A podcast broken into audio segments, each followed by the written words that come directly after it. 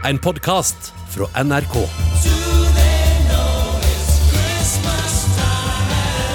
Også denne jula er Do They Know It's Christmas på tung rotasjon på radiostasjoner over hele verden. Og det har den vært helt siden den kom ut med brask og bram jula 1984 med punkeren Bob Geldof i spissen. Og med seg hadde han en horde av verdensberømte artister. Og aldri før hadde verden sett så mange superstjerner bli samla på ett sted for ett felles mål. For denne gjengen hadde gått sammen om å lage en låt som skulle redde sultne barn i Afrika, men som mange mener gjorde stor skade og aldri burde ha blitt gitt ut. Men hva er det som er så gærent med denne låta, egentlig? Og hva slags skade har den gjort?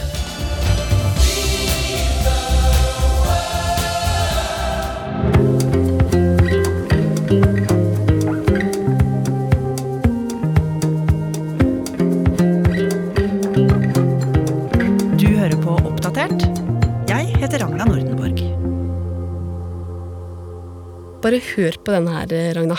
Mm. Åh, det er jul.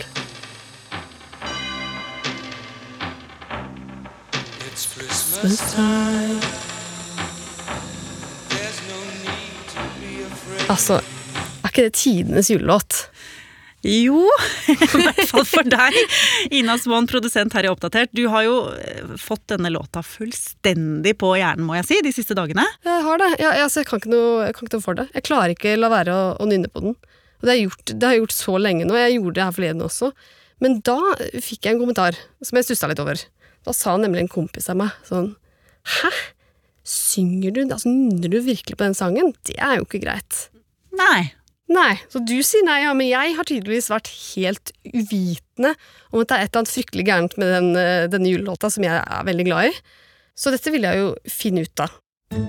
Så jeg tok kontakt med en som kanskje kunne hjelpe meg, nemlig Audun Molde. Han er forfatter av boka Pop, en historie. Og han har også et veldig personlig forhold til Do They Know It's Christmas. Men ikke bare det, han har også møtt Bob Geldof, som skrev den. Og hør her, Ragna. Audun fortalte meg at Bob Geldof faktisk er litt flau over låta han lagde. Jeg har en sånn julerockkonsert som jeg har gjort hvert år de siste 20 årene med en gjeng musikere. Og helt tilfeldig så møtte jeg Bob Geldof i Oslo en ettermiddag i 2005. Han var i Oslo, jeg tror det hadde noe med Nobels fredspris å gjøre. Og da måtte jeg jo slå av en liten prat med han. jeg måtte jo fortelle at jeg spilte den sangen med bandet mitt. Jeg skulle faktisk spille den samme kveld. Og han var nok litt, følte, han var nok litt flau over den sangen. Han ropte ikke hurra for at vi spilte den live. Men det er jo den sangen han huskes for. Og, og, og, selv om mange er veldig glad i den sangen, så er den jo også en sang som har skapt veldig mye drama og blitt kritisert og, og parodiert mye. Hmm. Men Ina, hva er det egentlig som er så fryktelig galt med denne låta? Jo, for å forstå det, så må vi tilbake til 1984, til Etiopia øst i Afrika. Der var det nemlig en forferdelig tørke som landet ikke var rusta for. De hadde nemlig et marxistisk-leninistisk regime med tette bånd til Sovjet, som på ingen måte tok ordentlig vare på befolkningen. Pengene ble brukt på andre ting, og det resulterte jo da i en forferdelig krise.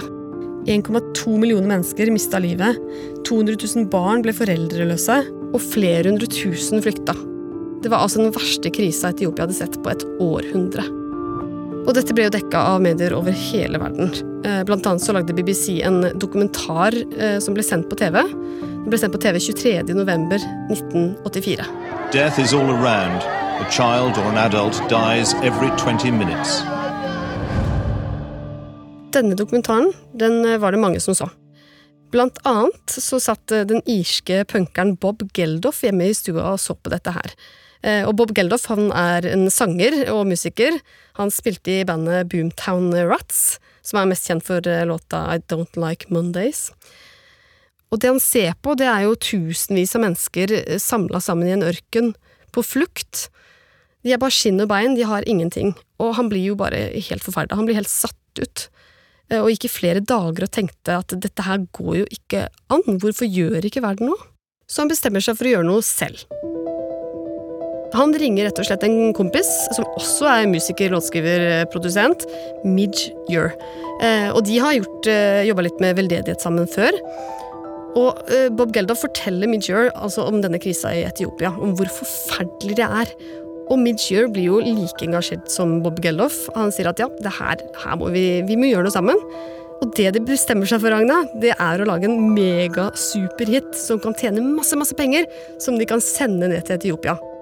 Og målet blir å samle inn 700 000 kroner. Og i 1984 så er det relativt mye penger, altså.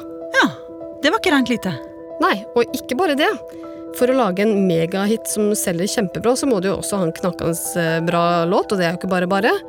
Og for at den får nok oppmerksomhet, så bestemmer de seg for at de skal gjøre noe helt vilt. De vil prøve å samle kremen av kremen av toppartistene i Storbritannia til denne låta, og alle skal stille gratis. Og i tillegg så bestemmer de seg for at denne her må jo bare ut før jul. Før jul? Altså, dette skjer jo i november, var det det du sa? Hvorfor, hvorfor skal de gi seg så kort tidsfrist? Jo, fordi jula er jo kjempekommers.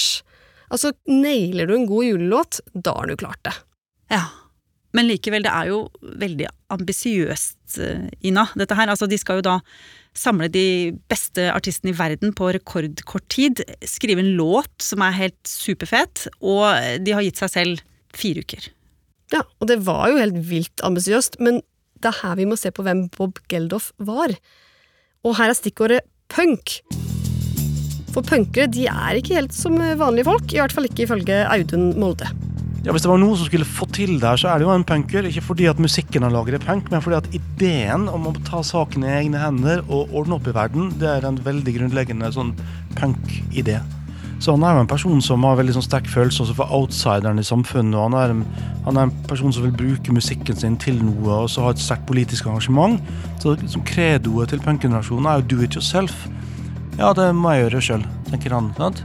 Så det er jo på en måte punk-ideologien som ligger bak. Bare sett i gang, gjør ting på egen hånd. Ikke bry deg om at noen andre skal gjøre Ikke vent på myndighetene eller på organisasjoner. Bare kjør i gang, start din egen innsamlingsaksjon. Det var jo nettopp det Bob Geldof gjorde, Ragna. Han gjorde det selv.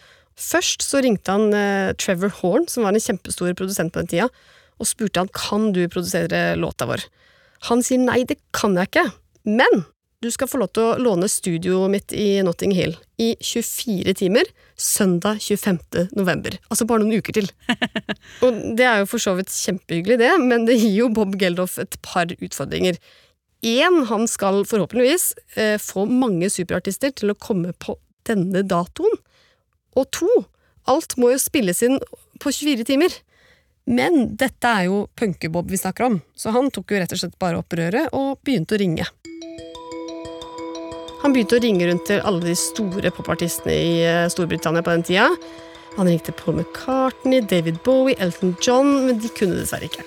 Men så, én etter én, så begynner de å si ja, vet du. Sting, Boy George, Bono, George Michael, Cool and the Gang, Phil Collins Altså alle de superstore artistene på 80-tallet, det her. Ja. Og da skjer det noe helt magisk. For ryktet begynner å gå, og etter hvert så begynner de store artistene å ringe til Bob Geldof og spørre om de kan være med på låta hans. Så på få dager så har han altså klart det helt umulige. Han har fått ja fra noen haug med superstjerner. Dette er Altså, jeg begynner jo å leve meg veldig inn i dette her. Det er jo helt fantastisk. Ja, men det var jo en vesentlig ting som mangla, og det var jo selve låta. Ja, for den var ikke skrevet ferdig. Nei! Så nå sitter de altså der med eh, en dato, en haug med artister, men ingen superhit. Oi, hva gjorde de? Jo, det hadde de jo en plan for, forteller Audun. Den sangen var sånn halvveis skrevet allerede. Det skulle egentlig vært en annen sang. Så Mitch Ure hadde på en måte den sånn halvferdig, så han bare tilpasset den. Lagde en ny tittel, og så skrev de en ny tekst. Og så lagde Monsieur et, et backing track i studioet sitt, sånn at de hadde på en måte alt klart for at folk kunne komme og synge. Yeah, we've just come from Germany. How uh, did you come to be in the first in a group? Yeah, I'm in, I'm in a group, so they, they invite us all along. Det vi hører her, det er altså en horde av paparazzier utenfor studio i Notting Hill søndag 25.11.1984. Og et tonn av kjente artister de ramler inn døra én etter én. Mange kommer fra turné. Boy George flyr inn fra New York. Altså, dette var tidenes happening. Men det var ikke tid for smalltalk, akkurat, for de hadde jo bare 24 timer på seg. Så her var det rett på øvelse med en eneste gang.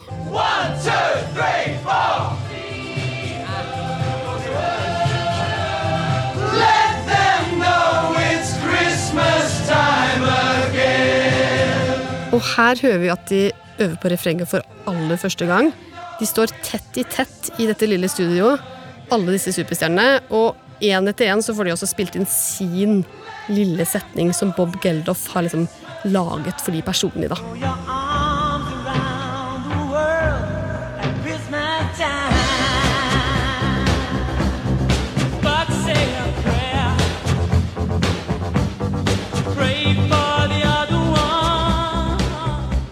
Og når de 24 timene har gått, så har de søren klype meg klart å ta opp alt de skulle.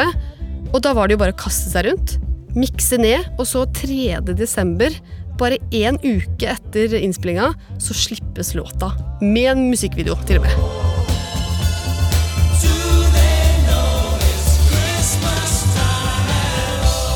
Og dette gikk jo veldig bra. Ja, det ble jo en umiddelbar hit. De hadde et superfint singelcover laga av Peter Blake, som også har laga coveret til Sgt. Pepper av Beatles. De hadde en superkul behind the scenes-video, og bandet ble da kalt Band Aid. Og i tillegg så hadde de også skapt en helt ny sjanger, nemlig veldedighetssangen.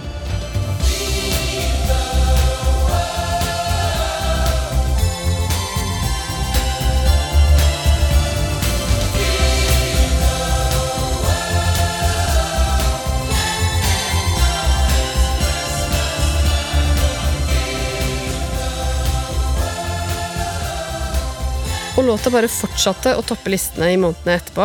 De arrangerte til og med en kjempestor musikkfestival, Live Aid, til inntekt for Etiopia.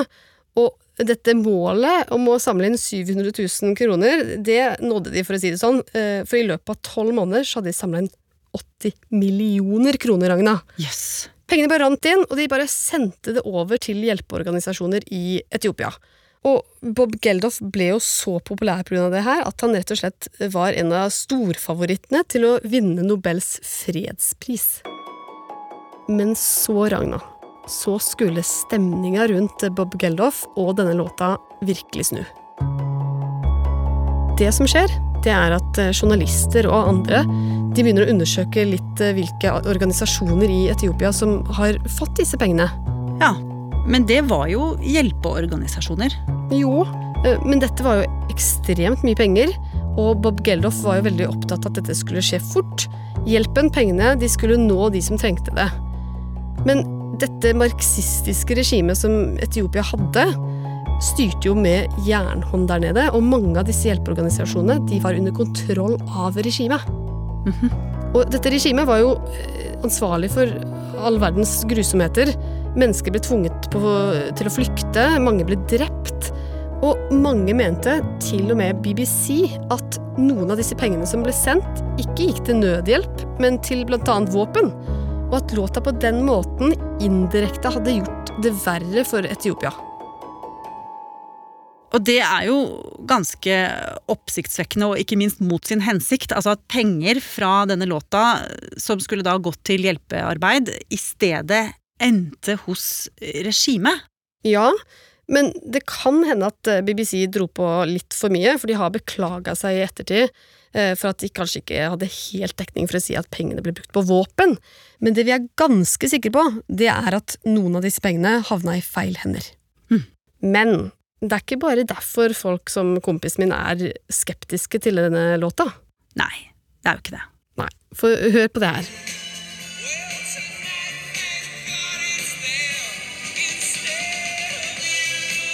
Hørte du det? Ja. Thank God it's them instead of you. Altså, det er jo ganske, det er ganske vilt å si. Det er det. Men eh, det er mange andre ting i denne teksten folk både nå og da reagerer på.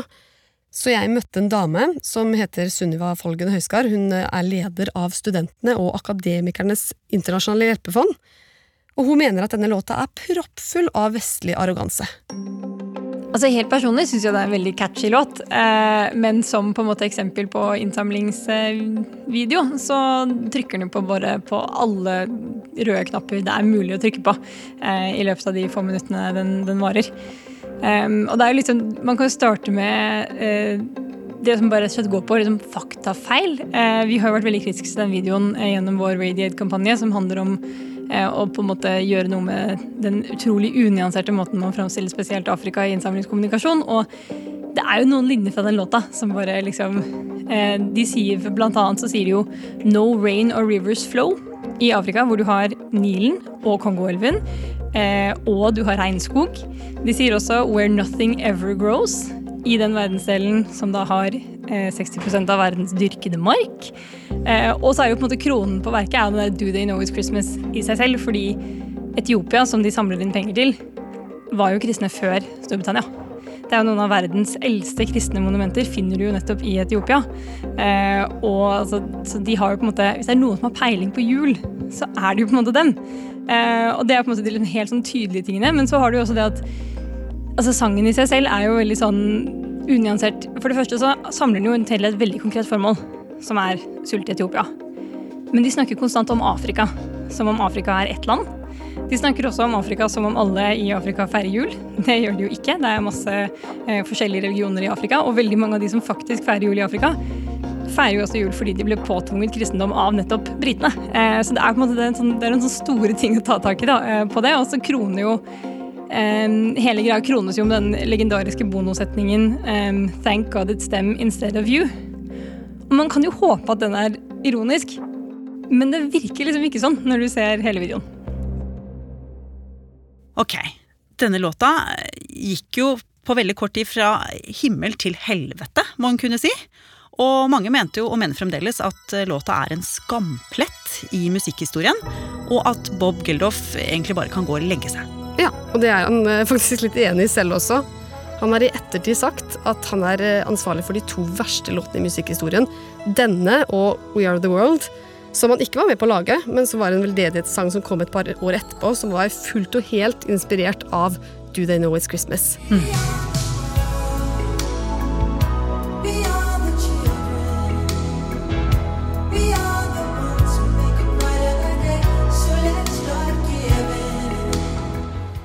Men så må vi jo også huske på, Ragna, at denne låta har jo faktisk samla inn eh, til nå rundt halvannen milliard kroner, og penger har jo gått til hjelpeorganisasjoner i Etiopia. Men likevel. Hvis man ikke kunne denne historien, så ser man jo på låta med nye øyne, Ina. Hvordan er det med deg? Mm. Jeg klarer jo ikke ikke høre på det. Jeg syns jo fortsatt at den er sykt catchy. Eh, men så er det jo veldig greit å vite hvor mange faktafeil den faktisk eh, inneholder. Og at den på en måte representerer eh, en tid som vi forhåpentligvis har kommet litt forbi.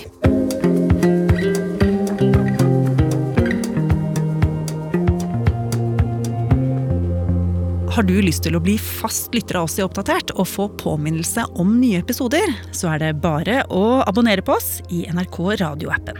Og så er det veldig hyggelig hvis du vil anbefale oss til en venn. Oppdatert er en podkast fra NRK Nyheter, og denne episoden er laget av Ina Rønneberg Swan, Andreas Berge og meg, Ragna Nordenborg. Eva Midthun Leira er redaksjonssjef. Vil du kontakte oss, gjør gjerne det på oppdatert alfakrøll nrk.no. Du har hørt en podkast fra NRK. Hør flere podkaster og din favorittkanal i appen NRK Radio.